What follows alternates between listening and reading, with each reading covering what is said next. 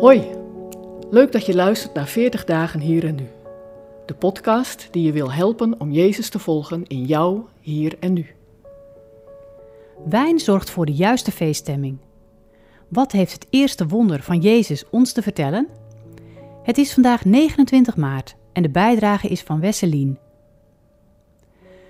Als ik terugdenk aan mijn bruiloft, nu bijna 20 jaar geleden, herinner ik me allerlei mensen en stukjes en de Koerdische dans. En natuurlijk delen van de kerkdienst.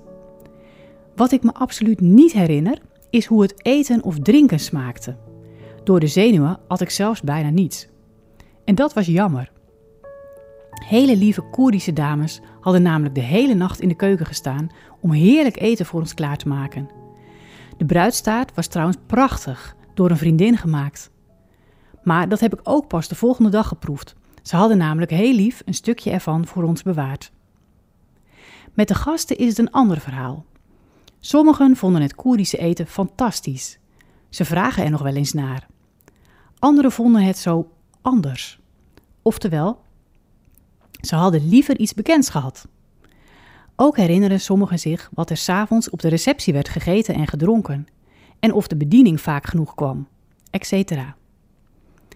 In Johannes 2, vers 2 staat dat Jezus op de bruiloft was uitgenodigd. En Jezus nam de uitnodiging aan. Hij was aanwezig op de bruiloft. Eerst viel hij misschien niet zo erg op tussen de vele gasten. Ze kenden Jezus wonderen nog niet. Maar waarschijnlijk had hij of zijn familie een persoonlijke band met het bruidspaar.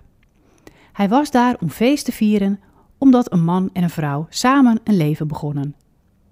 Later zou het bruidspaar weten dat deze gast hun bruiloft had gered en hen zo had bespaard voor vreselijke roddelpraatjes.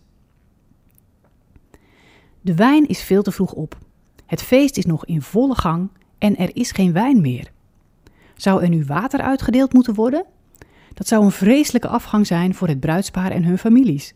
Er zou nog lang gepraat worden over die mislukte bruiloft. Maar daar is Jezus. Achter de schermen doet hij zijn werk. Hij geeft een duidelijke opdracht aan de bedienden en zij volgen die op.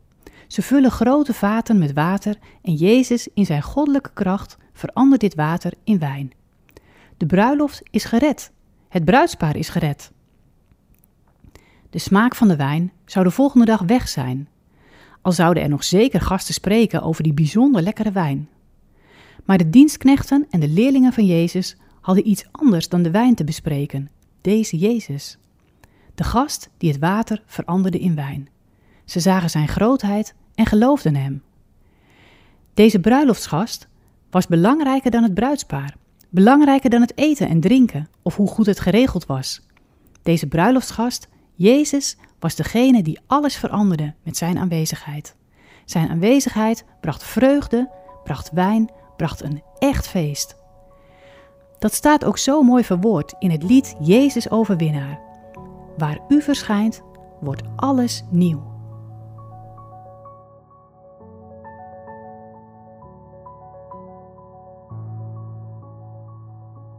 Wil je meer weten over deze podcastserie? Ga dan naar 40dagenhierennu.nl.